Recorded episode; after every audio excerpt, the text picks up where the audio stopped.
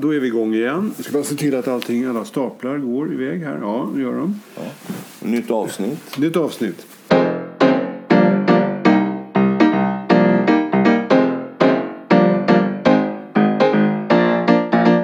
Så här. Tonen i sociala medier, framförallt från det som vi kan kalla de radikala krafterna, höger och vänster. Nu pratar man mycket om höger. Skitsamma. Tonen i alla fall är aggressiv, plump, Eh, icke-faktabaserad, lögnaktig. Och dessutom så, så anar vi att det dyker upp eh, inlägg som från, från helt annat håll som inte alls är all vanliga svenskar som åsikt utan det är liksom planterat på något underligt sätt. Ja, direkta lögner sprids. Hur ska man bemöta det här? Det verkar ju liksom på något sätt organiserat och vi andra står där snälla liberaler och tycker att det här är helt fel men vi vet inte hur vi ska bemöta det. Vi vet inte hur vi ska hantera det överhuvudtaget. Ska vi sätta igång och ljuga och, och, och, och anklaga och attackera på det här underliga sättet? Nej, det vill vi ju inte. Men vi kan inte bara låta det vara. Hur ska vi göra? Hemskt tycker jag. Ja, jag, jag tycker det här är ett jätteproblem. Va? Jag är ju en del på sociala medier och, och man blir ju ofta attackerad på ett sätt som, som är rent överraskande helt enkelt. Alltså, om man konstaterar enkla fakta som att Nej, det är inte 8 miljoner svenskar och så 20 000 judar som någon påstod utan det är liksom 8 miljoner svenskar eh, där det ingår 20 000 judar som också är svenskar och det är alla lika rätt till, till skydd från samhället så att säga. Eh, en sån till synes ofarlig neutral åsikt kan ut, ska säga, ut utlösa världens aggression från en väldig massa människor både på vänster och högersidan som säger att ja, men de har det så bra och de är ändå speciella och sådär. Och så försöker man då eh, argumentera mot det där. Och jag har valt att vara extremt saklig. Jag blir sakligare och torrare ju värre angreppen är mot mig. Och så och faller jag tillbaka till formalism, alltså att Sverige är ett land baserat på medborgarskap, inte på språk och blod eh, och, så, och så vidare. Men jag, jag tror att det finns två vägar att angripa det här. Det ena är den personliga vägen.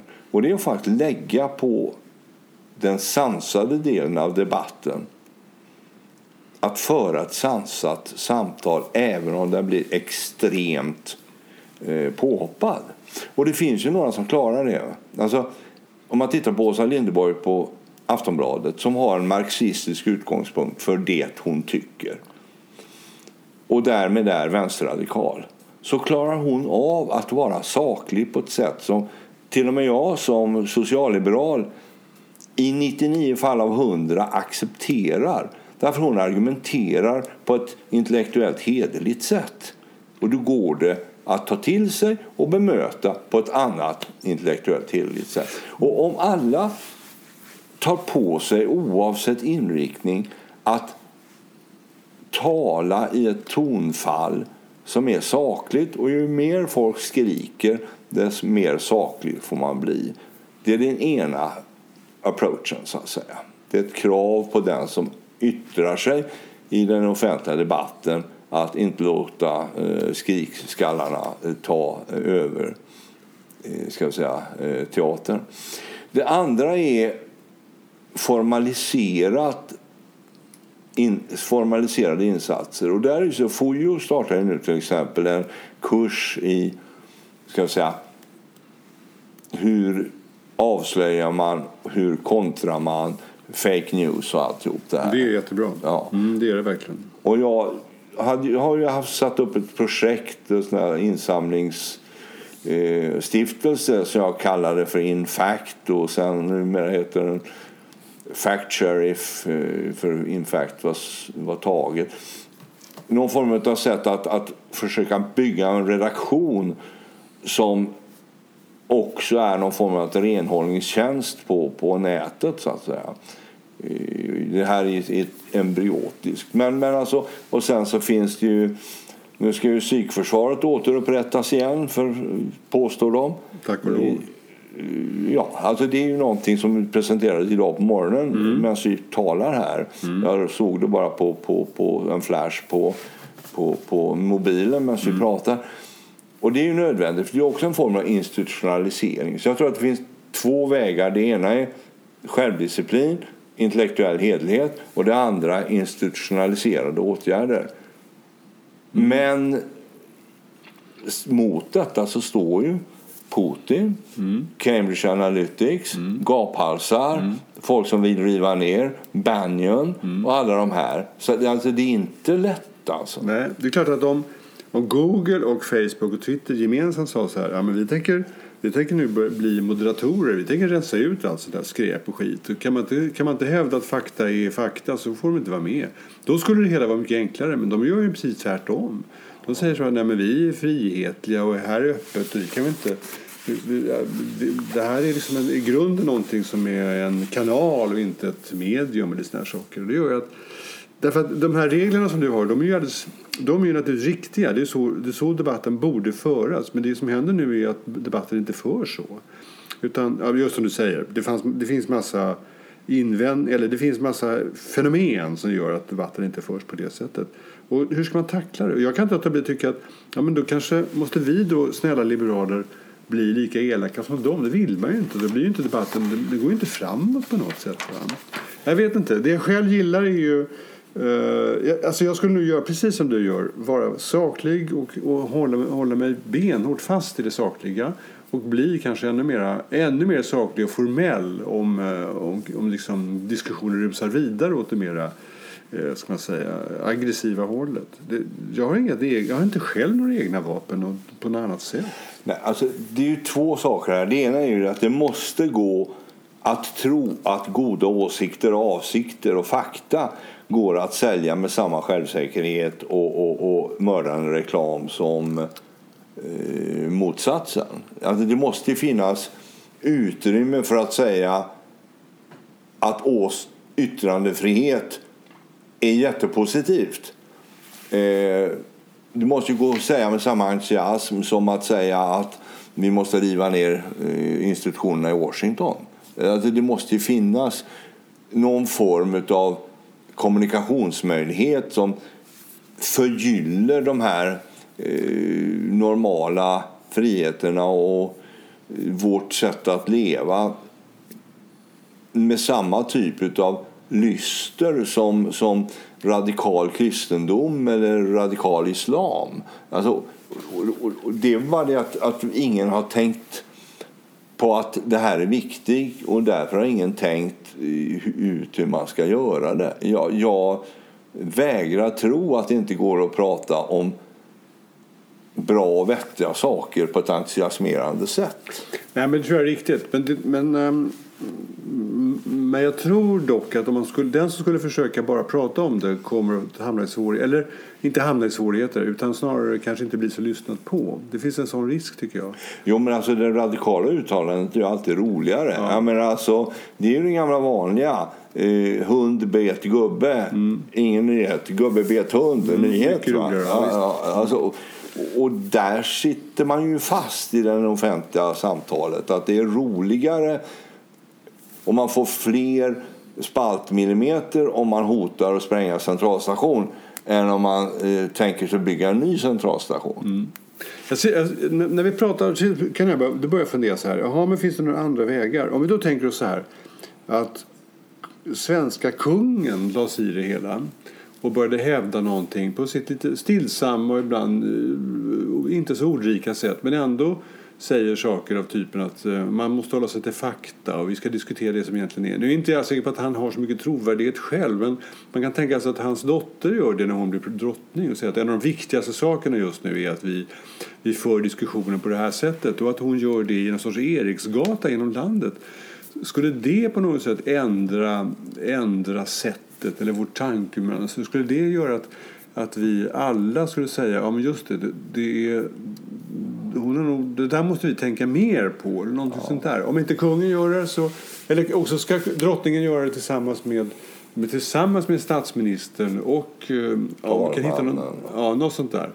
Att vi liksom, de högsta den allra högsta ledningen i Sverige själva engagerar sig i frågan. Om det skulle liksom hjälpa på något sätt. Ja, problemet där är väl det att det skulle omedelbart eh, anklaga eh, kungahuset för politisering.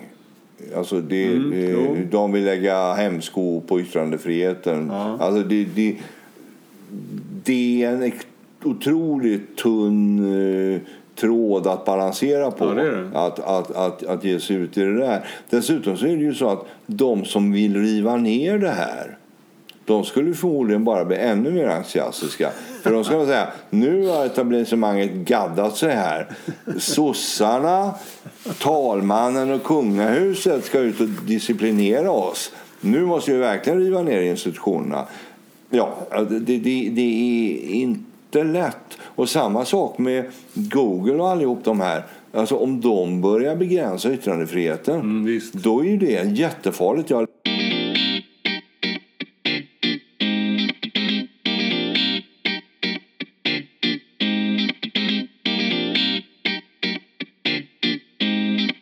För det, det som är intressant är ju det att, att när man för ett halvår sedan nästan skrek efter går det inte att göra någonting åt såväl tonfall i debatten som hela fake news och bot eh, och desinformationsflödet eh, så att säga. Och nu, ett halvår senare, har man nästan blivit överkompenserad för nu återinför vi psykförsvaret. Vinnova, Bonnier och Schibsted ska tillsätta en nämnd för att klara av fake news och, och orediga kampanjer. Google och Facebook börjar diskutera möjligheten till censur. Och i Frankrike så vill Macron ha en lag mot lögner. Det är ju nästan som man blir radikal av dessa förslag som, som naturligtvis är väldigt goda till sin intention men som riskerar att bli ett hot faktiskt mot, mot yttrandefriheten och att vi blir offer för någon form av små stegens tyranni på sanningsområdet så att säga. Det, Det, när jag hörde de här sakerna så, så drabbades jag av... Första var liksom rena, vad man kallar det för, inte lyckokänslor, men känsla av glädjen då att det vanliga, eh, det vanliga fria samhället liksom lyckades samla ihop sig till någon sorts reaktion. Istället för att vi stod där liksom, eh, vad ska man säga, till, höll, eh, istället för att vi låg, kände oss liksom avkastade och stod rädda bredvid vägen så var det ändå så att eh, det ordentliga samhället ryckte ut och sa att det här kan vi inte ha det längre. Nu måste vi börja bestämma saker och, och inflika och reagera och sätta upp stopp mot allt sånt som vi faktiskt inte tycker om. Ehm, det var ju en, tyckte jag var ändå befriande på ett sätt. Skönt att det hände. Jag håller med dig om, det är klart som sjutton att man vill inte att det ska bli alltså inskränkningarna, den ena inskränkningen efter den andra. Mm, alltså den, den ena inskränkningen kan man tåla, men sen när man upptäcker att det blivit tio stycken så, så har de naturligtvis blivit för många på något sätt. Det där är inte helt lätt tycker jag. Um, om vi vänder på det och säger så här, om, om, om samhällets institutioner hade stått bredvid fortfarande bara uh, varit bekymrade och, och sagt att det här inte är bra och så, då skulle jag, då skulle jag på samma sätt tycka att det var varför gör ingen något? Varför görs det inte? Vad ska vi tro om de här viktiga samhällsbärande delarna? Om de, om de ändå bara står på konferenser och tycker saker istället för att agera. Eh, och så gör de det och då blir det som du pekar på. Det finns ju liksom ja, långsamma inskränkningar av en alldeles fri yttrandefrihet. Ingen lätt, eh, ingen lätt balansgång alltså. Nej, det är så svårt att reglera. Alltså, hittar man bra styrdokument för sånt här, bra ramförutsättningar eh, och, och någon form av, av eh, styrelser som, som kan hantera de här organisationerna eller de här processerna så, så är det ju bra. Problemet är ju bara det att erfarenheten säger det att så fort ett sånt här djur skapas så blir det också en inre dynamik där. Man får inte glömma det att Sveriges Radio och Sveriges Television har ju oväld och, och eh, opartiskhet som en del av sin eh, grundinstruktion. Men ändå är det ju så att en stor del av befolkningen är extremt misstänksam mot underliggande politiska agendor som naturligtvis inte är några underliggande politiska agendor utan det är enskilda journalister som har olika åsikter och som eh, låter dem ibland färga det de säger. Men, men, och det, gör, det visar hur svårt det här är. För att Styrelsen på Sveriges Radio får inte uttala sig i programfrågor. Mm. Och, och en, en ett styrelse för Vinnova Bonnier Schibsteds eh, sanningskommission. Ja, på vilket sätt får de lägga synpunkter på annat än grundinstruktionen? Får de verkligen ha synpunkter på det pågående arbetet eller är det ett fritt journalistiskt arbete? Mm. Eller ett fritt polisarbete beroende på hur, hur det ska säga, riktas. Det är, att, alltså censurverksamhet inom citationstecken är ju en extremt grannlaga uppgift om man inte är censor hos, hos Gorbatjov eller Pinochet. För då är det ju enkelt. För då mm. är det bara en lista på vad som är förbjudet och så ja. färdigt med det. Men här har vi ju en liberal mm. yttrandefrihetsutgångspunkt. Mm.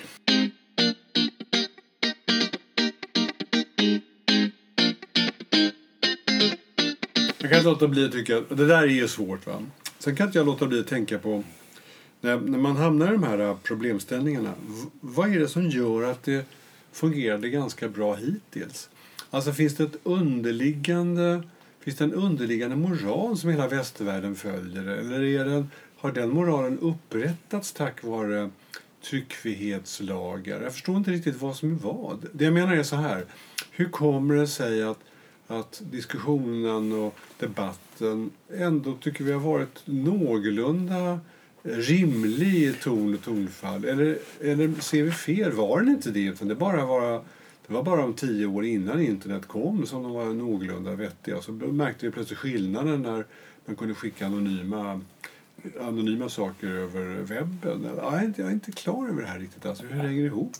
Ja, jag tror vi kommer tillbaka till en av våra första poddar som handlar om yttrandefriheten. Och det är det att det ansvariga utgivarskapet var naturligtvis väldigt viktig i, i det här sammanhanget. Mm. Alltså alla gammelmedia, för att uttrycka så, mm. har ju en ansvarig utgivare och den ansvariga utgivaren är personligt ansvarig för det som publiceras i hans publikation. Mm. eller hennes. Och, och det har naturligtvis en, en extremt bra självhygienisk eh, roll. Alltså, även om Wolodarski knappast hinner läsa varenda rad i, i, i Dagens Nyheter så vet alla på Dagens Nyheter att gör vi uppenbara galenskaper här så riskerar Wolodarski faktiskt att hamna i finkan mm. om inte han har hunnit läsa och, och, och, och stoppa det. Mm. Och så det blir en, en form av konstruktiv självdisciplin. Och vi pratade ju då om finns det en möjlighet att utvidga ett ansvarigt utgivarskap även till sociala medier kan en var hållas ansvarig för det han säger inom någon form av publicistisk regelbok? Ja, svårt att säga, men jag tror att det som gjorde att debatten var så bra som den var från 40-talet fram till eh, 2010 Eh, var väldigt mycket beroende på att det fanns ett fungerande korrektiv. En, en hjälp till självhjälp, så att säga. Men det där, är ju, det där låter ju um, lovande i så fall, för det innebär ju att med, med så grova saker som lagar eller regler och förordningar så går det att ordna eh, så går det att ordna en sån mjuk sak som ett debattklimat. Alltså... Ja, det, det är det Macron hoppas på när han ska ha sin sanningslag. Så att säga. Problemet är ju det att det är väldigt lätt övergår i någon form av drakonisk ja, lag. Ja, just, ja, just. Och speciellt i Frankrike som är väldigt duktiga på, mm. på byråkrati så, så kan det ju faktiskt gå fel. Mm. Jo, det är klart. Uh, men det är, ändå, det är ändå ett visst hopp tycker jag att man genom de, de, de, alltså det handlar inte om allt för djupa saker. Därför att lagar, lagar kort sagt, går att anordna. Det, då är det mer formellt. Man ska se till att man har majoritet i riksdagen och sådana saker. Det går att instifta. Man ska utbilda poliser och åklagare i vad det handlar om. Men det går ändå att göra på något vänster.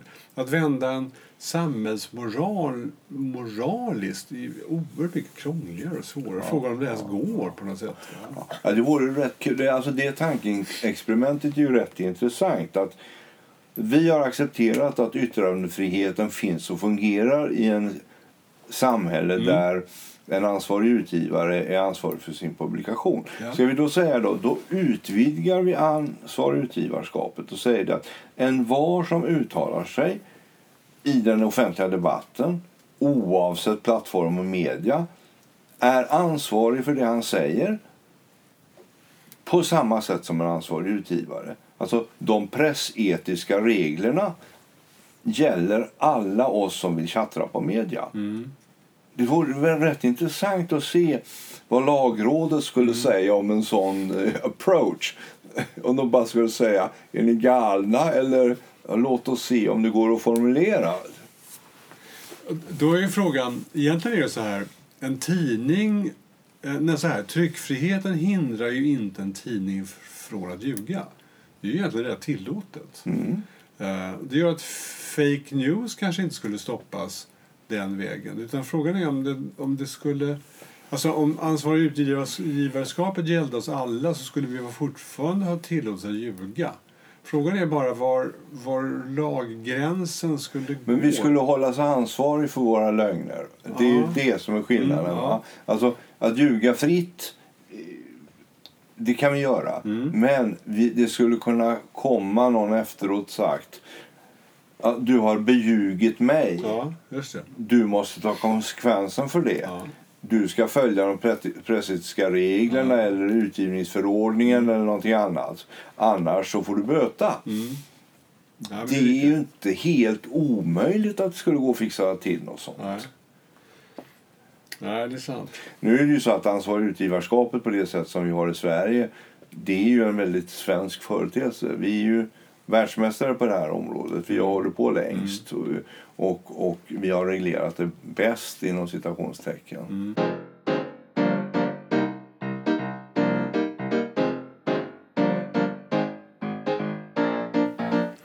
Men det finns ju ändå det finns ju liknande, liknande juridisk tankegång finns ju i många västerländska ja. länder. Även om den inte är utformad på precis samma sätt som, som det här.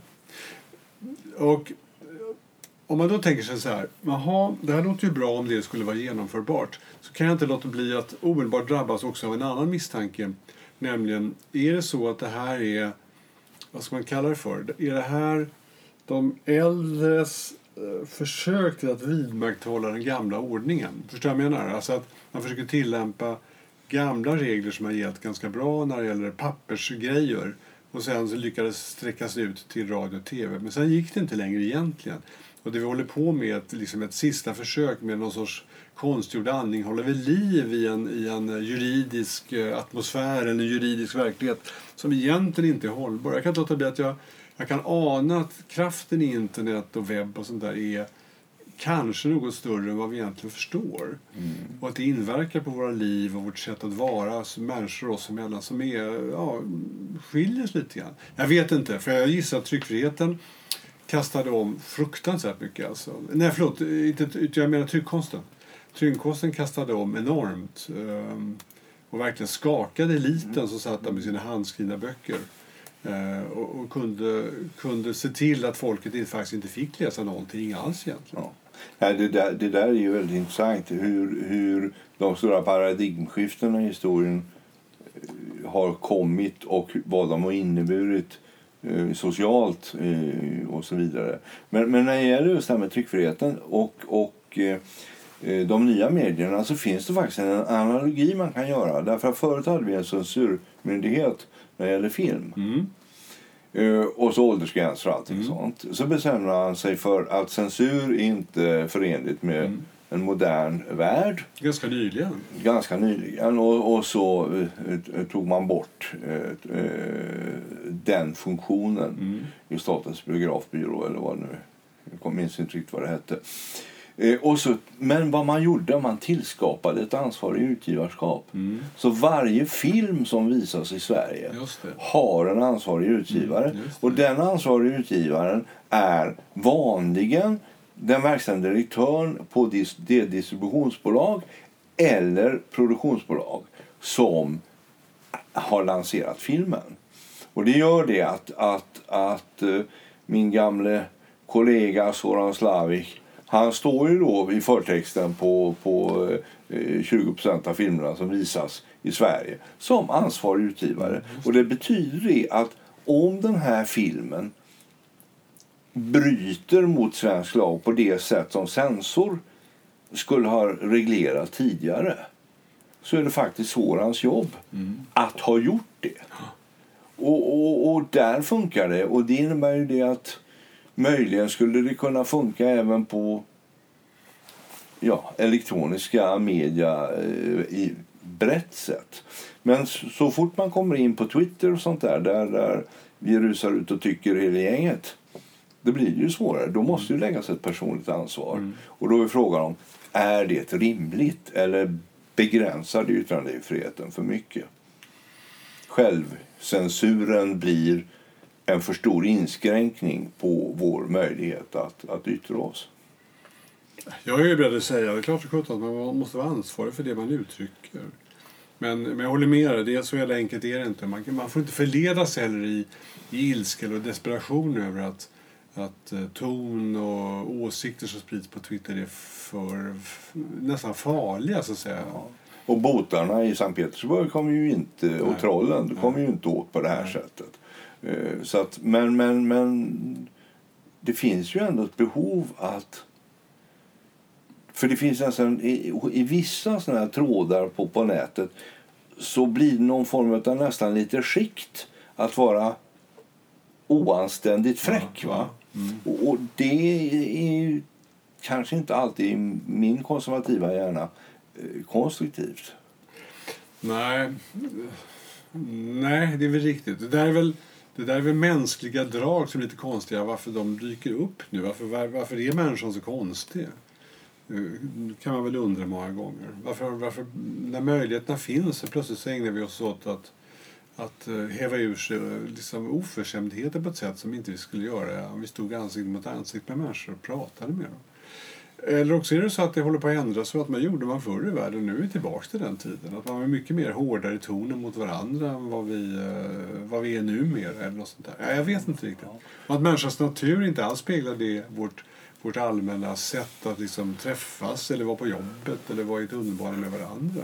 Men där, där finns ju den där gamla ska vi säga, eh, frågeställningen. Är mäns, mänskliga naturen Eh, definitionsmässigt god? Eller är civilisationsprojektet vi har ägnat oss åt i 3000 år eller mer faktiskt någonting som har gjort oss bättre? Eh, det, det eh, kan man ju tvista om, men jag inbillar mig att även om det fanns överdrifter i, i civilisationens eh, regelbok på 1800-talets slut och 1900-talets början så någon form av balans som det fanns på 70-talet eller 60-talet var ju ganska behaglig. Ja, det är klart att det, ja, behaglig var den. Men frågan är om den var naturlig. Egentligen spelar inte jävla stor roll. Därför att jag gissar att det är så med människan. Att, att uh, den här urmänniskan, den ger oss inga svar. Alltså en liten, liten utsatt flock som bodde i en kall grotta och som hela tiden var tvungen att vakta ingången för, för björnar och lejon och vargar. Och som, som, och som träffade andra flockar då och då om man hade lite tur så att säga. Va? Så man kunde liksom leva vidare på något sätt som flock eller ny flock. De levde naturligtvis under helt andra förhållanden socialt och språkmässigt och, och, och diplomatiskt och sådär jämfört med vad vi lever i. Så frågan är om, de, om människans natur överhuvudtaget går att, går att använda som måttstock. Eh, det enda man kan säga om människans natur är att den är så extremt differentierad och kan ta så många olika ansikten. Det är det som är människans överlevnad. Som gör att vi blivit lite för många egentligen. Det är nog egentligen det som är det grundegenskapen på något vänster. Ja, det är definitivt en utmaning för oss att vi är många. Ja. Nu får man ju hoppas att, att, att eh, eh, den här prognosen att vi kommer att pika ut någonstans mellan 9,5 och 10 miljarder. Vi kan väl hoppas att den, den stämmer så får vi hoppas att, att vi kan civilisera oss inom den eh, demograf, demografiska ramen. Men det, det är intressant det du säger om urmänniskan. För att där får man ju verkligen perspektiv. Va? För att det fanns alltså de fantastiska poetiska själarna som målade de här mytiska målningarna på väggarna i grottan i Lascaux.